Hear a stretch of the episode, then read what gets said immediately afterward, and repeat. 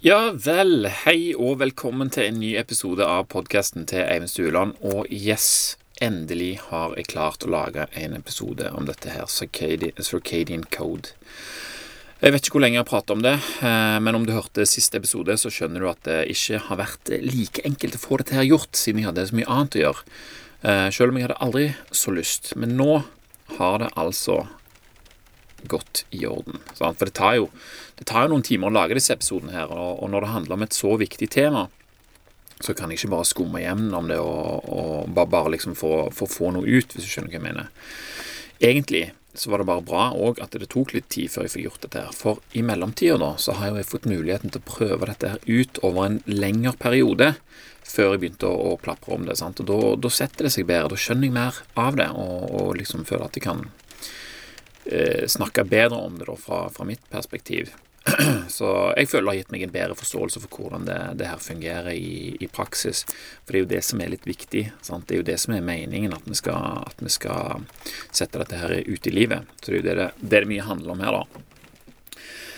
For at dette fungerer her eh, i praksis, er det ingen tvil om. Det er lenge siden jeg har gjort endringer som, eh, som gir såpass store følger som det dette her har gjort.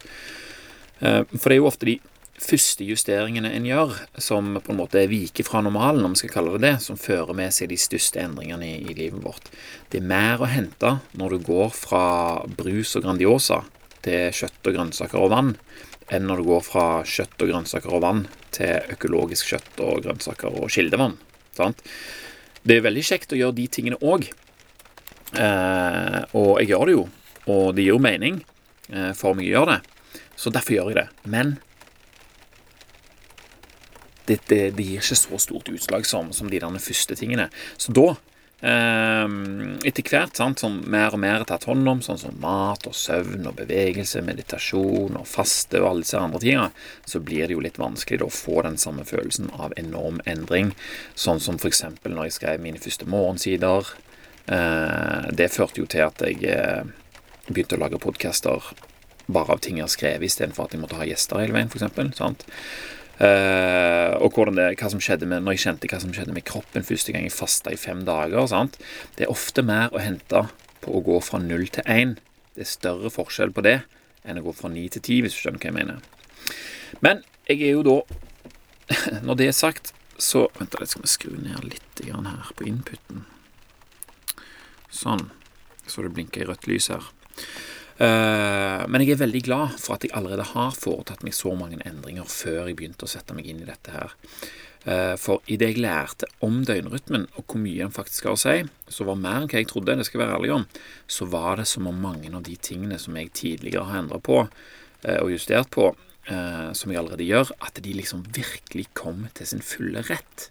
Er du med? For av og til er det sånn Jeg gjør jo dette her, liksom, men det føles ikke ut som jeg får de fordelene jeg bør ha. Så når alle de tingene en allerede gjør, da, får en liten økt effekt på likt, så er det klart at det gir et veldig stort utslag i, i totalen. Så akkurat nå så er jeg jo inne i den der, det som jeg kaller for den intense perioden av dette her, der alt liksom skal prøves å gjøre. Jeg driver og finner ut akkurat hvor langt dette her kan gå. ikke sant? Eh, hva koster det meg når jeg drar det langt? Hvor tidlig kan jeg legge meg? sant? Det er helt noen andre spørsmål enn hvor tidlig det er praktisk å legge seg, f.eks. Og ved å teste grensene så er det jo da enklere å danne seg et klart bilde av hvor denne praktiske grensa går. Sant? Jeg vet hvordan det er å gjøre det mindre, og jeg vet hvordan det er å gjøre det mer, og nivået jeg ønsker å legge meg på da, der jeg får mye av effekten uten at det, det nødvendigvis trenger å koste så mye, eller at det føles som om det koster unødvendig mye. Eh, den blir liksom tydeligere, da. Det er litt sånn 80-20-prinsippet, dette her. Uh, og hvis dette skal vare, så er det jo viktig at det er bærekraftig. Du kan ikke drive og slite deg ut med å være helt sånn intense for lenge. For det er jo den intense perioden, som vi kaller det, det er nå jeg begynner å få en forståelse for hvordan det fungerer. Um, for eksempel så har jeg funnet ut at um, Han snakker om time restricted eating, han her, um, Sachin Panda. Og jeg fant ut at liksom, hvis jeg går altfor mange dager med 16 timers faste uten å spise noen ting, bare, bare drikke vann, som er liksom litt annerledes enn hvordan jeg har drevet med, med periodisk faste, så blir det vanskeligere for meg å spise nok, og da går jeg ned i vekt. sant? Det er ikke bærekraftig over tid. Men jeg kan bruke den erfaringen en annen gang, hvis jeg av en eller annen grunn har behov for å gå ned i vekt. Samuel. Hvis jeg legger meg for tidlig, så våkner jeg kanskje tidligere enn jeg ønsker. Det er ikke praktisk hver dag, men noen ganger så liker jeg å våkne ekstremt tidlig, i perioder. Og da vet jeg hvordan jeg skal få det til. Det er bare å justere døgnrytmen litt og litt i noen dager, og så føles det til slutt helt naturlig å, å gjøre det på den måten der. Og det er av at jeg har vært igjennom den intense perioden der jeg har funnet dette her ut. Eh, da vet jeg at jeg kan dra det til igjen hvis jeg ønsker meg mer effekt av noe. Og det hender jo fra tid til annen at vi ønsker å få til mer enn hva vi vanligvis gjør. Da er det greit å vite at en har litt av hvert som en kan dra opp, eh, dra opp av hatten, da. Ikke sant? Men nå må vi snakke litt om denne døgnrytmen her, da. Jeg hørte jo eh, noen podcaster Jeg tror det var på hva den heter han Petter Atia. Eh, jeg hørte en podkast-episode med han i, i, vår en gang, og der var Sachin Panda eh, på. Og da sa han annet at han virkelig mente at denne kunnskapen her ville endre samfunnet vi lever i, på en omfattende måte i, i, i løpet av de neste årene. her. Dette var liksom veldig banebrytende. Eh, og, og, han sa noen sånn at Jeg husker ikke helt hva han sa, men liksom, det ville ha mer å si enn hva du spiste, og hvordan du trente, og alle mulige sånne ting. Så da var det bare sånn? Det har jo liksom vært det viktigste for meg så langt. Så jeg husker jeg ble litt skeptisk til det da.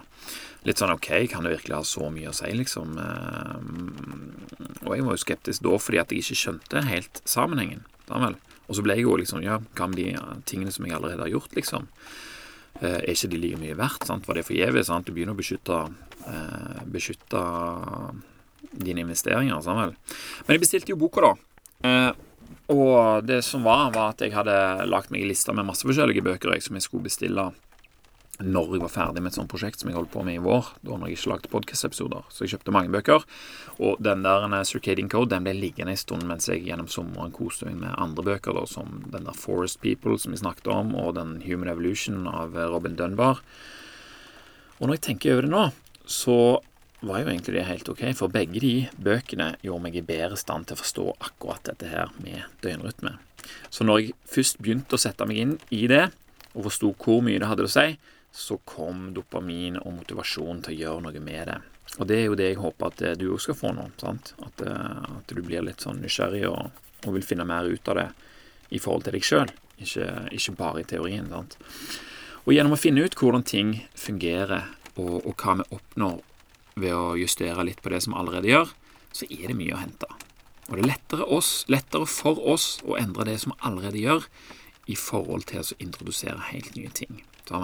Så, så, det er liksom dobbel bonus på denne her. Du bare justerer litt på det du allerede gjør, og så får du kjempemye mye forskjell. Og Dr. Panda Det vil, tror jeg, alltid være litt rart å si Dr. Panda. Men uansett, da. Dr. Sachin Panda han er ingen hvilken som helst.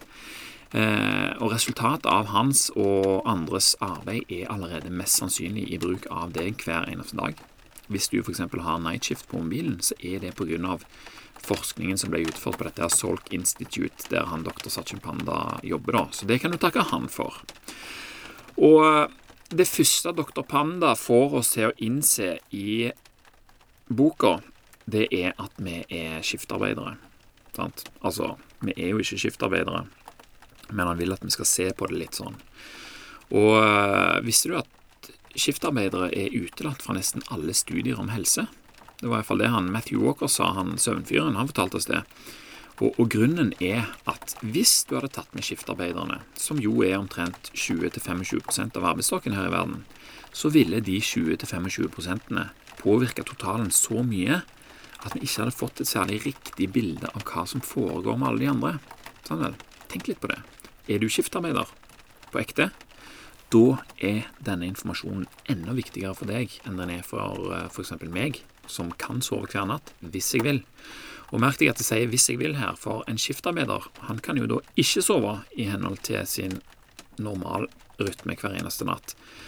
Eh, men det er jo pga. jobben. Og det som er interessant her, er at vi andre vi kan òg lide de samme konsekvensene som en ekte skiftarbeider uten å være en.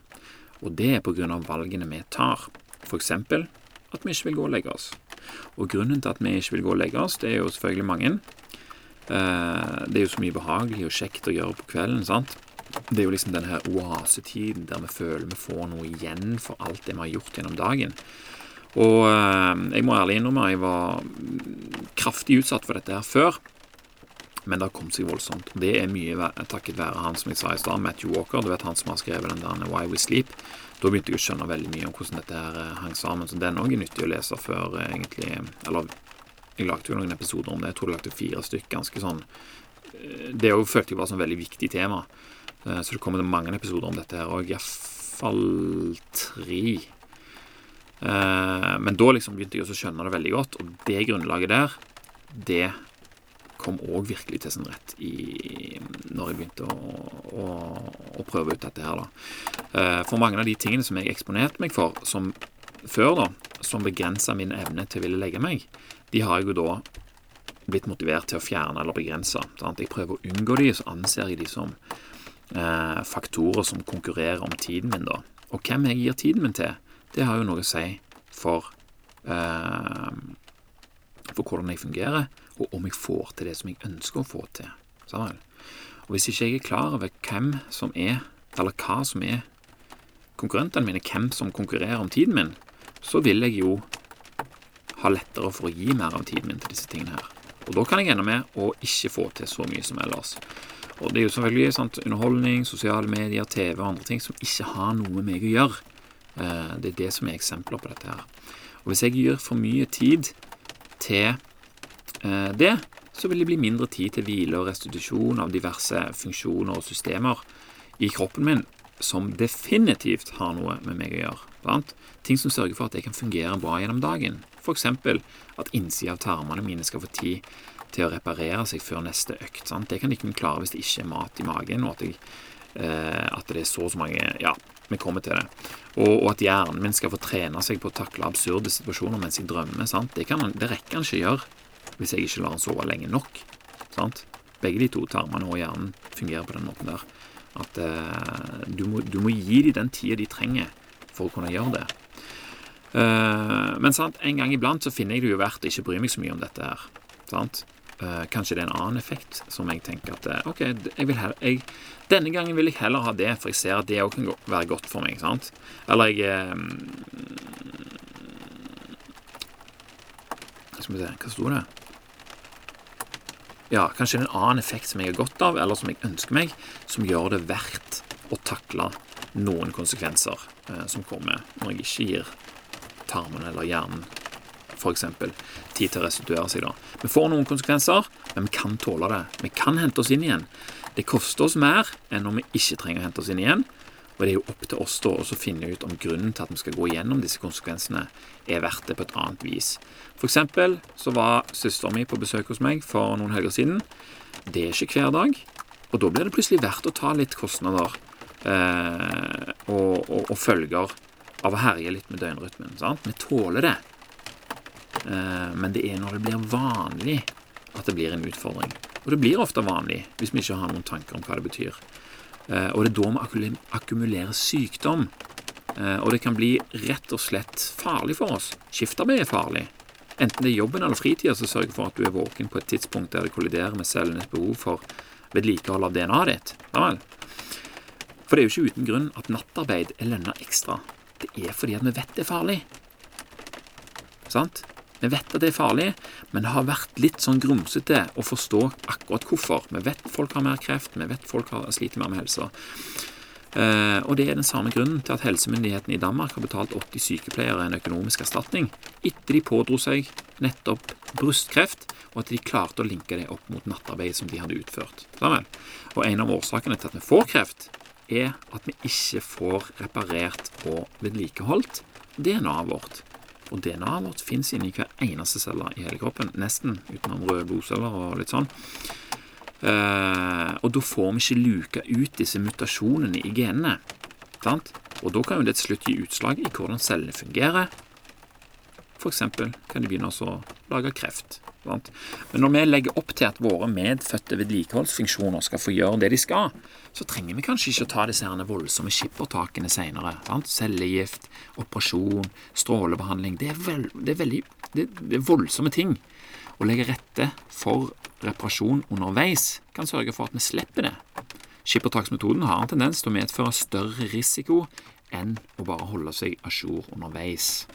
Sant? Så hva er en skiftarbeider, da? Ifølge den uh, offentlige europeiske normen så er du en skiftarbeider og anses, og anses som det pga. helsefølgene som det bringer med seg. Hvis du er våken mer enn tre timer mellom klokka ti om kvelden og klokka fem om morgenen i mer enn 50 døgn i året. Da havner du i kategorien skiftarbeider. Ti om kvelden og fem om morgenen. Hvor mange timer er det? Åtte timer. Nei. Jo. Aldri gjør matte i offentlighet. Faen, der holdt de på å drite meg ut. Men eh, sant, i de timene, hvis du er våken i mer enn tre timer i det tidspunktet, 50 døgn i året, så er du en skiftearbeider. Eh, sant? Ikke bare hvis du jobber fra klokka ti til klokka seks om natta. Selv om det er de som selvfølgelig får størst problemer med dette. her. Du er en skiftearbeider sjøl til en viss grad om du legger deg fem over ett hver lørdag. Mange som gjør dette. her. Ikke på hver lørdag, men fredag nå, sant? og kanskje andre dager. Jo flere ganger du er våken om natta gjennom året, desto flere konsekvenser, og mer av de blir du nødt til å forholde deg til. Og hva er det du blir nødt til å forholde deg til? For det første så er det den der cellereparasjonsgreia, sant? men det er så langsiktig at det er vanskelig å oversette til hva vi skal gjøre nå. Det er det som er så plagsomt. Det er lettere om vi tar for oss det som skjer nå. Og det er at det blir vanskeligere å ta rasjonelle avgjørelser. Sant? Prefrontal cortex, der fornuften vår sitter, der vi skal liksom kalkulere hva som er bra for oss å gjøre eller ei, den er dyr i drift. Og det er den første tingen vi kutter ut hvis kroppen må drive oss og stresse med noe annet, ta noen andre konsekvenser fra andre ting. Ei eneste natt kan gi kognitive effekter som kan vare opptil ei uke. Sant? Og at vi blir dårlige til å tenke, er ganske vanskelig å legge merke til. Fordi vi er jo tross alt dårligere til å tenke. Skjønner du? Og hva betyr dette her? Det betyr at alle de 87% av voksne mennesker som legger seg to timer seinere i helgene enn i ukene. Det er ikke sikkert de rekker å hente seg inn før det kommer en ny helg, sant? Som gir dem muligheten til å redusere sin evne til å eh, Så gir de muligheten til å redusere sin intelligens og evne til å ta rasjonale valg en gang til. Samuel. Da har du den evige loopen. Det er derfor folk gleder seg til helga. Samuel. Og det er slitsomt å være i den tilstanden i ukene, spesielt siden du må prestere hele veien. Så i helga sånn nå slipper jeg å prestere. Uh, sånn, så ender du opp med å gjøre mer tullete ting, da. Uh, og da snakker vi ikke nødvendigvis om at folk sover mindre. Vi sover jo som regel lenger om morgenen hvis vi legger oss sent i helgene. Samuel? Det er jo det som er digg med den greia der. Men det faktumet at det er to timers Altså, eksempelet sier to timer, men mange drar det jo mye lenger enn det. sånn Legger seg to-tre tider. Samuel. Men denne her endringen i legge- og oppvåkningstidspunktet er nok til å gi ganske heftige følger. Det er dette som kalles for sosialt jetlag. Og hvis du har reist på tur, så vet du jo hvordan det er å ha reisejetlag. sant? Det er veldig likt det sosiale jetlaget som vi gir oss sjøl hver helg. Vi skjønner bare ikke at det er det vi gjør. For vi er jo hjemme, liksom. Vi har ikke flydd eller beveget oss gjennom tidssoner eller drukket vin på flyet og sett på små TV-er. Nå kan vi jo se små TV-er overalt, da På telefonene. Men når vi supplerer med ekstra dårlig mat og drikkevalg i tillegg i helgene, sant? i tillegg til at vi kanskje ikke sover nok i ukene, ohoho, da begynner det å tårne seg. Da har vi mange nok ting som er stabler oppå opp hverandre til at vi begynner å få en skikkelig case. Alt dette her er kroppen nødt til å forholde seg til. Og Det gjør at vi ikke fungerer så bra som vi kan, og at vi ender opp med å belaste helsesystemet, f.eks. Altså, oss sjøl er jo én ting, men dette er jo et samfunnsproblem. Mer av dette fører til enda mer av dette. Og du vet jo hvor vanskelig det er å holde seg fra fristelser når vi er trøtte og slitne og ikke føler oss så bra. Det er jo det jeg snakket om sant, med hjernen. Vi klarer ikke, vi har ikke overskudd til å drifte den, for den er så dyr i drift. Sant? Den er jo mest avanserte klumpen med celler som fins på jordkloden. Eh, og det er den vi trenger til å ta gode valg. Samuel. Men vi kan ikke drifte den hvis vi er slitne eller har gjort noe med kroppen som gjør at han må holde på med andre ting. Det er for krevende. Den rasjonelle delen av hjernen er dyr i drift, og det blir vanskelig å tildele den ressurser når kroppen har mer enn nok med å hanskes med konsekvensen av andre utskeielser. Du kjenner sikkert igjen noe lignende som dette her. Åh, Sånn, Søndag så har du tenkt sånn på fredag så, oh, Søndag da skal vi ha sunn middag. liksom. Jeg kjøper den fisken her og legger den i kjøleskapet. sant? Og så kommer søndagen, så har du liksom skeia i helga. Åh, jeg orker ikke å lage den der fisken som ligger i kjøleskapet en dag. Og så får du den der sant? For du anser det som vanskelig og ikke så digg nå, når du er i den reduserte kognitive tilstanden, så er det sånn Fuck it! Det blir takeaway heller. Yes! Sammen. Og da kommer det merkelig nok en god følelse ut av det. Følelsen av at du slipper å gjøre noe som er vanskeligere enn det du nå har funnet ut at du kan gjøre isteden. Takeaway. sant? Og når vi er på minusen, så er fornuften vanskelig å bruke. Og det er derfor det ikke er like enkelt for oss å skjønne at fisken er bra i lengden. sant? Den biten blir vanskeligere å se fordelen av, siden fordelen ligger i framtida. Og framtiden krever bruk av fornuft og rasjonell tenking, noe du ikke har like mye av nå pga. disse valgene eller vanene som du har eh, i f.eks. helgene. Takeaway-maten, den, den kan vi få nå. Det vet du veldig godt. Um, Eh, og igjen, siden fornuften er delvis ute av spill, så blir ikke konsekvensene av takeawayen, som jo er i framtiden, veid like tungt som følelsen du ser for deg at du skal få av å ta det enkle valget der. Er du med på den? Og sånn er det å være litt dummere enn ellers. Alle, alle opplever det. Det er ikke noe sånn det er ikke noe Desto fortere vi kan innse at vi er dummere, at vi kan være dummere og smartere, alt etter hva vi gjør, desto lettere kan vi gjøre det for oss sjøl å og unngå det, eller iallfall legge til rette for og at det ikke skal ha så mange konsekvenser. Sant? Og ha litt lavere kapasitet enn ellers. Oprah Winfrey hun har sagt Winfrey, Opera Winfrey har sagt at eh, når vi gjør det beste for oss sjøl i dette øyeblikket, så vil vi havne i en bedre posisjon til å gjøre det beste for oss sjøl og i det neste øyeblikket. Sant vel? Det er der du bygger. Og med redusert kognitiv kapasitet, så dette går fint, så er det vanskelig å skjønne at en langsiktig belønning er bedre enn å slippe å lage middag. Å spise noe som smaker godt, for så å tvinge kroppen til å måtte ta seg av en krevende fordøyelsesprosess som den allerede er dårlig stilt til å takle. Liksom, hvorfor liker vi det? Hva er det vi har vunnet, egentlig? Jo, en større sjanse for at du vil ta enda flere sånne valg. En større sjanse for at de valgene blir vaner, og at det kommer enda større konsekvenser ut av de igjen. Vet du at den største dødsårsaken til brannmenn, det er ikke branner, det er hjerte- og karsykdommer. Linker til forstørrelser i døgnrytmen. Hva for noen valg tar disse brannmennene og -kvinnene i perioden der de strever med å få døgnrytmen på rett kjøl igjen, kommer fra jobb og vært våken om natta og skal snu dette her? Jeg kan tenke meg det blir fristende å gå for enkle løsninger. Og hvis vi alle er skiftarbeidere, sånn som Sachin Panda mener at vi er til en viss grad, så står vi jo i fare for å måtte takle konsekvensene av det. Og det er derfor det er så nyttig å vite hvordan dette fungerer, sånn at vi kan gjøre noe med det, sånn at vi kan legge til rette for å ta gode valg som gjør det lettere å leve nå, og som gjør at vi kan leve bedre og lenger enn hvis vi ikke gjør det. Det er jo det, er jo det, det handler om. For jeg elsker når folk sier sånn Ja, vi lever lenger enn noensinne, det er ikke noe å bry seg om. sant? Ja, herlig. Du kan ligge der du de siste 15 årene av livet ditt, strekke ut i ei seng og, og mygle mens folk holder liv i deg. Eller du kan dø på fjellet når du er 95 av en plutselig hjertestans med å vite at du har levd livet til, til det fulle helt siste slutt. Vel. For dette her lærer oss òg hvorfor det er så viktig å planlegge for gode valg. Sant? Og når vi har bestemt oss for å skeie ut litt. Hvis du vet at du kommer til å ha lav kapasitet i fornuften i morgen, da er det jo lurt å legge til rette for at det blir så enkelt som overhodet mulig å karre seg tilbake til din eh, gode kapasitet før du rekker å gjøre det verre med kortsiktigheten din.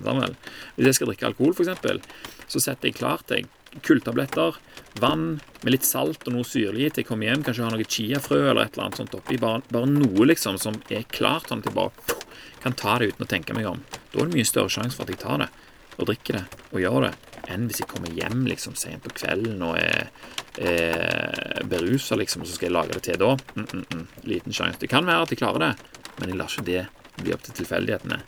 Neste dags fornuft blir veldig glad for sånne gester. Samuel.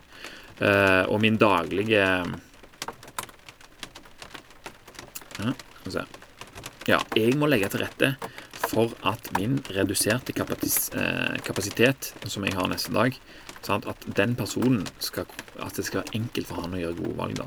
Og om jeg har noe som både smaker godt, og som er godt for meg, i kjøleskapet neste dag, ja, da blir det til at eh, jeg spiser det da. Det er iallfall høyere sjanse, spesielt om det krever lite å lage det i stand, eller om det bare trenger å varmes, f.eks. Egg og bacon med salat, det er godt, og mye lettere enn å lage den fisken. Sant? Jeg ikke, å overdrive det der at det liksom sånn Å, nå skal jeg ut som må, nå skal jeg gjøre det vanskeligste og, sunneste mulig, liksom. Sånn, for da er det større sjanse for at jeg ikke gidder. Hvis jeg vet at jeg, oh, jeg har kjøpt inn godt bacon, eh, og jeg har noen egg og noe salat, og liksom, oh, yes, da kan jeg bare lage det i morgen. Da vet jeg det at jeg ikke blir så frista til å kjøpe takeaway. Noe som jeg forresten jeg kan, jeg kan ikke huske sist jeg spiste takeaway. Det er mange år siden. Men uansett, ikke gjør det vanskeligere enn det trenger å være. Og hvis du er skiftarbeider på ekte, så vil jeg tro at du kan tjene mye på å planlegge sånne ting for deg sjøl. Gjør ting klart for når du vet du kommer til å være dummere enn du vanligvis er. Sant? Sånn at det ikke blir like fristende å ta snarveier. Skal vi se For at jeg skal slippe å måtte redusere størrelsen på denne her MP3-filen før jeg legger den ut, så tar jeg en pause her. Men slapp av, jeg fortsetter like etterpå. For, uh, for det, det, som skjedde med den matepisoden, så er det at jeg, jeg snakket og snakket og snakket, så varte det altfor lenge. Uh, og jeg trodde jeg var ferdig med, med, episoden, liksom, og så kom jeg skal legge den ut. Bare sånn, Skal du uploade den? Så er det sånn Nei, filen er for stor. Og så må oh, må liksom komprimere den og sånt. Og det er derfor jeg, når jeg er ferdig å lese episoden, så trykker jeg på stopp, jeg. Da er jeg ferdig. Jeg har ingen intro, ingen hyggelig musikk eller klipping eller noen ting. Jeg har ingen andre gjester engang. Eh, med mindre det er veldig enkelt å ha det, da. Eh, og det hender jo, men det er en stund siden nå.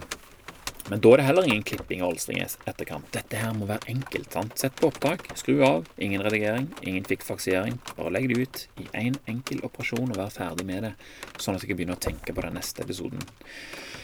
Og jeg er sikker på det finnes andre måter å gjøre det på, men det bryr jeg meg ikke om. Dette her er min, så nå vet du iallfall det. Så jeg tar pause nå, og så begynner jeg på den andre episoden rett etterpå, sånn at jeg slipper å gjøre det. Så kan jeg bare legge ut to episoder med en gang istedenfor. OK, snakkes.